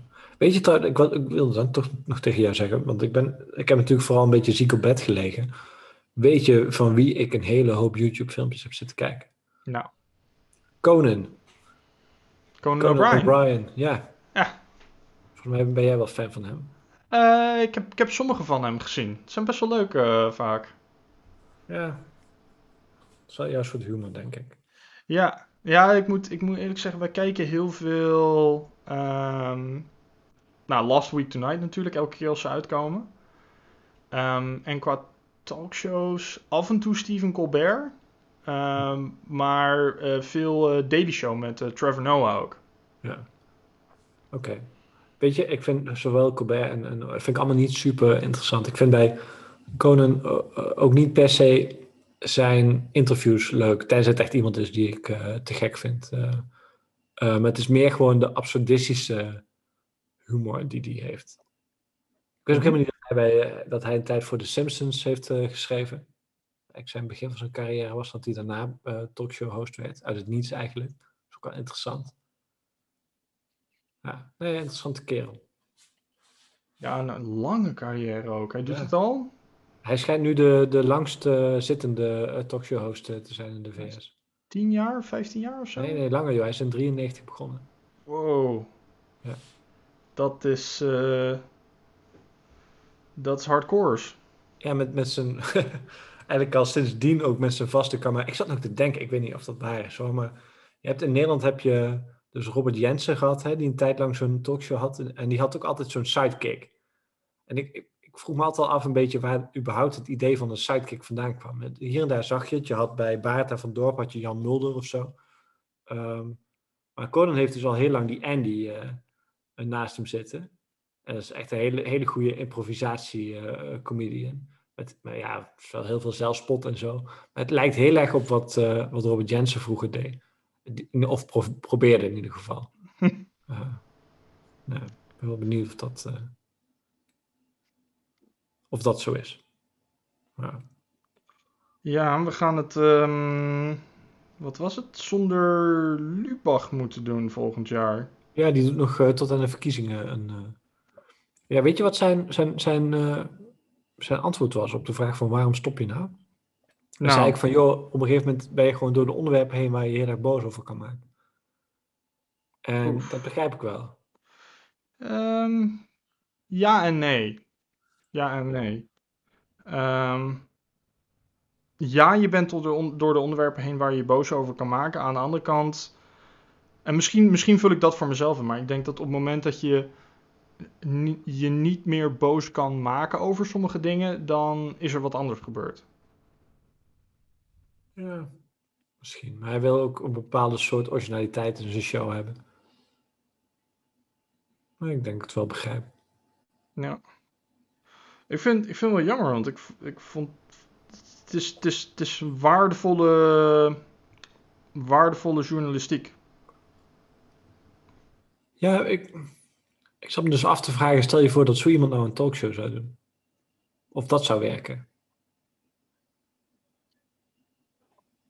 Hmm, Zeg maar dus, de, de- dat is wel echt een, een, een verschil. Dus als je naar die Amerikaanse show, talkshow, dat zijn echt veel meer komieken die een gast hebben, vaak wel echt showbiz, Ehm, maar ook wel politiek. Ehm, en daar dan een gesprek mee hebben. In Nederland is het toch veel meer, eh, zeg maar, direct vanuit de journalistiek. Veel minder humor. Ja, ja. En, en, en, en toch zie je, en dat, dat is denk ik een beetje in Amerika begonnen, dat die, dat die scheidslijn een beetje is gaan vervagen met Uh, Jon Stewart initieel met, met The Daily Show. Ehm, waar je inderdaad een, een comedian had, maar die vervolgens een staf heeft die echt van, van topjournalistieke instellingen over zijn gekomen. Ehm, en dat, dat, dat is vervolgens een beetje doorgegaan met. En degene die daar het verst uh, in is doorgeschoten is. Um, uh, is Last Week Tonight. die, hebben, die hebben gewoon echt een aantal Pulitzer-leden gekregen. En die hebben, die hebben geloof ik zelfs een Peabody gewonnen op een bepaald moment. Hm. Um, voor, in Nederland voor investigative je, journalism. In Nederland kun je zeggen dat het ook wel bestaat, maar dan in de vorm van Po-nieuws, weet je? Die hebben dat ook wel een beetje gedaan, of geen stel TV daarvoor, weet je. Een, dus de... een beetje, ja, maar niet op dat niveau. Nee, hebben... nee, nee, maar wel zeg maar um, uh, niet per se serieus. Ja. Dus het is gewoon hele awkward vragen stellen, hè. Van, ja. uh, meneer de politicus uh, masturbeert wel eens. Ja. En dan staat daar iemand uh, met zijn mond vol tanden. Dat is een beetje het niveau wat zij, wat zij brachten. Nee, maar, maar da- totaal anders. Het, maar... Ja, ik, ik denk, ik denk wil, je, wil je dat niveau een beetje bereiken, dat dat daar gezet is, dan, dan, heb je, dan zou je bijvoorbeeld hebben dat, uh, of een Arjen Lubach of een uh, Hans Steeuw bijvoorbeeld, ja. um, gewoon echt tien redactieleden van Follow the Money aanneemt. Uh, en zegt van, ga, nou, ga, ga maar onderzoeken en we gaan hier een, een half uur item van maken. Ja, precies, maar die combinatie, hè? Dus, dus iemand die dat kan en daar iets achter wat, wat, meer, wat meer body geeft. Want dat kan niemand natuurlijk in zijn eentje doen. Nee, precies. Um, precies. Maar ik vroeg me af of, ja, of, dat verder nog wel eens is gebeurd. Of dat bestaat. In ieder geval in Nederland denk ik niet echt. Ze hebben het geprobeerd. We hebben hier op een bepaald moment een, ja, een uh, daily, uh, daily show met Jan-Jaap van der Wal gehad, ja, geloof precies. ik. Dat Nederlandse editie, maar dat heeft, dat heeft echt tien afleveringen geduurd of zo. En ik denk degene die nog wel dichtst in de buurt komt, is Lubach momenteel. Want daar is vaak wel echt onderzoek gedaan. Nou, dit was het nieuws, was ook wel een beetje zoiets, hè? Wel, Ja. wel- was, het was, was nou, niet per se. eh nou, het had, het had er kenmerken van. Nou, Ehm, en natuurlijk, organiseren kan je leren. precies, maar dan wat minder gasten. Dus dat, eh, daar, kunnen we, daar kunnen we nog wel een keer een experiment mee doen. Hmm. eh, volgend jaar. Ik weet niet, ik weet niet of, we, of we gasten moeten, moeten langsvragen. Maar ik, eh, ik zit eraan te denken om een, om een investering te doen in iets waardoor we ook mensen kunnen inbellen. oh ja. Oh, dat is ook nog wel een idee. YouTube-kanaaltje erbij. Ja, ik, ik, ik, ik zou gewoon die Zooms kunnen opnemen. Ja, dat zijn allemaal wel plannen. Ik weet niet of iemand daarop zit te wachten. Nou, we gaan het, eh, we gaan het zien. Nou, dan kunnen ze wel die mooie blikjes en die kat van mij zien. Dus dat is toch, ja, wie weet, eh, wie weet trekt het wat. Ja, ja, dan ga ik die greenscreen er wel weer even achter zetten. ja, precies. Anders kunnen we allemaal jouw huiskamer weer bekijken. Mm, precies. Ja, zo gaan we een beetje experimenteren. We zien het wel. Zeker. Dus eh, zolang het maar leuk blijft, dat is eigenlijk het belangrijkste. En een beetje interessant voor, voor jou en mij. Heb je nog eigen goede, goede voornemens voor volgend jaar? Ehm, nou, ja, dus die voornemens, die, ik heb eigenlijk elk jaar ongeveer dezelfde voornemens. Dus ik wil boeken lezen, maar dat doe ik toch wel. Dus dat komt wel goed. Al moet ik zeggen dat ik nu alweer eh, twee weken lang, eh, ik heb misschien, misschien 100 pagina's gelezen of zo. Dus niet veel. Ehm, ik ben wel, want ik, ik, was eigenlijk van plan om veel te wandelen. Dus ik had even een, eh, een maand abonnement op Storytel genomen. En ik ben het boek van Rutger Bregman eh, ben ik gaan luisteren. Om dus te kijken wat er allemaal in zit. En Is de meeste mensen deugen? ja, precies. En het boek is ongeveer wel wat ik er wel van had verwacht. Maar dan nog is het wel fijn om even te luisteren wat het nou precies is. Uh, maar dan ben ik ook niet zo ver gekomen dat ik gewoon minder heb gewandeld. Maar ik gewoon in bed lag. Dus, en dan heb ik daar geen zin in. Dus dat, uh, uh, dus dat, dat is nog niet gebeurd. Um, ik heb wel een paar boeken besteld en nog wel wat ergens mee bezig. Maar dat, dat komt allemaal volgend jaar wel weer. Um, en voor de rest zijn het gewoon de vaste dingen van sporten en gezond eten. Maar dat, uh, dat wil ik en doe ik allemaal toch wel. Ja. Dus dat is niet echt een. Uh... Nee, nog niet. Jij dan? Ik ga minder werken. Minder werken? Uh, nou ja, dit was mijn eerste jaar als ZZP'er. Hm. Dus ik keek zo'n beetje vooruit en die rekeningen waren leeg. Dus ik schoot helemaal de stress in. Dus ik heb toen uh, echt tegen alles ja gezegd wat me aangeboden werd. Um, best wel goed gegaan. Ik ik, heb het, ik heb het niet slecht, slecht verdiend. Hè? Goed, je weet het, net modaal. Ehm, maar eh, ik, heb, ik heb 50, 60 uur week gedaan, echt uh, meermaals. Ik heb, dit, is mijn, dit is mijn tweede vakantie dit jaar. Ik heb in totaal vier weken genomen dit jaar. Um, en ja, ik merkte wel dat dat er echt, dat dat er echt op inhakte. Um, dus ik, wil het, ik ga het volgend jaar wat rustiger aandoen. Dus ik heb het allemaal wat afgebouwd. Um, ik, had, uh, ik had op een bepaald moment ook drie klanten tegelijk aan het jong leren was met af en toe een training geven. Nou, ik heb dat nu teruggebracht naar eigenlijk één klant waar ik frequenter voor werk. Um, met af en toe wat spotconsulting ertussendoor en af en toe eens een training. dus ik ga in ieder geval proberen om een paar middagen vrij te houden elke week. Uh, zodat ik weer meer kan lezen, meer mijn eigen verdere educatie kan werken. En, uh, en ook wat meer kan schrijven en zo. Dus dat, dat, dat is vooral. Ja, nou, klinkt verstandig. En ook, fijn, nou, ook wel fijn dat het kan, hè? want uh, ik weet nog dat een van de eerste afleveringen die we dat het over hadden, dat jij jezelf te lui vond, dat je het liefst niet uh, overal achteraan, dat je het fijn vond om in dienst te zijn, zeg maar. Dus dat je niet achter de opdrachten aan hoeft te gaan. En dat je dan in één keer in de situatie terechtkomt dat dat wel moet, plus dat er even een, een pandemie uitbreekt. Dat is niet niks. Dus fijn dat het allemaal, allemaal goed gaat. En dan is, ik denk dit als een hele logische volgende stap. Dus ik zit juist te denken om wat meer te werken. Hè, ik werk vier dagen in de week en ik merk dat, uh, dat er uh, hier en daar wel wat, uh, ja, wat neiging is om toch wat meer te werken. En dat ik daar eigenlijk ook wel zin in heb. We kunnen, dus, we, kunnen, we kunnen altijd gewoon een boek gaan schrijven met elkaar. Dat, dat is, ook altijd de optie. Dat is altijd de optie, ja. Dus ik ga eens even kijken hoe ik dat ga vormgeven. Maar dat is niet per se een goed voornemen. Misschien zelfs een slecht voornemen. ja. Hoe was je, hoe vond je de, de Imperial Black IPA? Ik ben helemaal niet ontevreden. Ik heb hem nog niet op. ik blijf hem even rustig uh, af, uh, afdrinken. Ik ben sowieso blij dat het is gelukt om een paar biertjes te drinken. het is toch mijn, uh, mijn zieke vakantie, dus... Zeer zeker, zeer zeker. En dat het gewoon gelukt is om deze aflevering goed, uh, goed op te nemen. Dus dat is heel fijn. Het was een mooie oudejaarsconferentie. Wat vind jij ervan? Um, weet je, Imperial Black in het verleden um, uh, bezorgde mij nogal wat kopzorgen. Hm. Uh, maar dat is misschien, uh, misschien omdat het doorgaans echt zo'n Imperial Russian uh, terreur is. Of een hardcore stout. Die dingen van de moersleutel die jij af en toe tevoorschijn trekt. Um, wat was het? Die, die dubbel chocolate terreur en die tiramisu en dat soort dingen. Oh. Um, deze drinkt heel erg lekker weg. Hmm. Um, en, en, en, en tegelijkertijd, er zit gewoon... er zit best wel een lekkere, lekkere, lekkere smaak aan, weet je. Hij is niet, hij is niet generiek. Nee, zeker niet. Dus, uh, nee, het is een donker, donkere IPA eigenlijk, hè? Ja, het is erg lekker. Erg lekker. Mooi. Nou ja, het, is, wordt altijd gewaardeerd door luisteraars als wij lekker bier drinken. Dus. Uh, ja, zeker. Het is fijn dat dat ook eerst is gelukt. Ja, zeker. En ja. Um, en dat maakt onze laatste aflevering van dit jaar. Wij gaan elkaar natuurlijk nog zien, want er is een, uh, er is een oudejaarszoom. Ja, zien ja. Voor, voor afstand. Voor besloten kring. Nee, dat is um. En, voor de allertrouwste en... luisteraars. Zeer zeker, voor de grootste fans.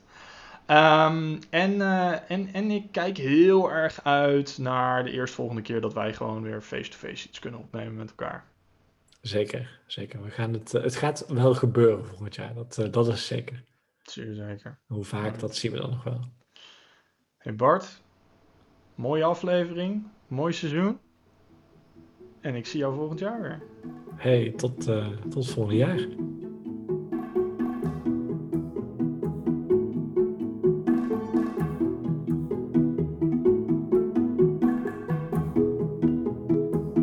Dank jullie wel voor het luisteren van deze aflevering van Organiseren kan je leren. Mocht je vragen hebben over of commentaar hebben op hetgene wat we besproken hebben deze aflevering, of een suggestie hebben over wat we kunnen bespreken in een volgende aflevering, dan kan je ons bereiken op organiseren.pm.me. Dank jullie wel en tot de volgende.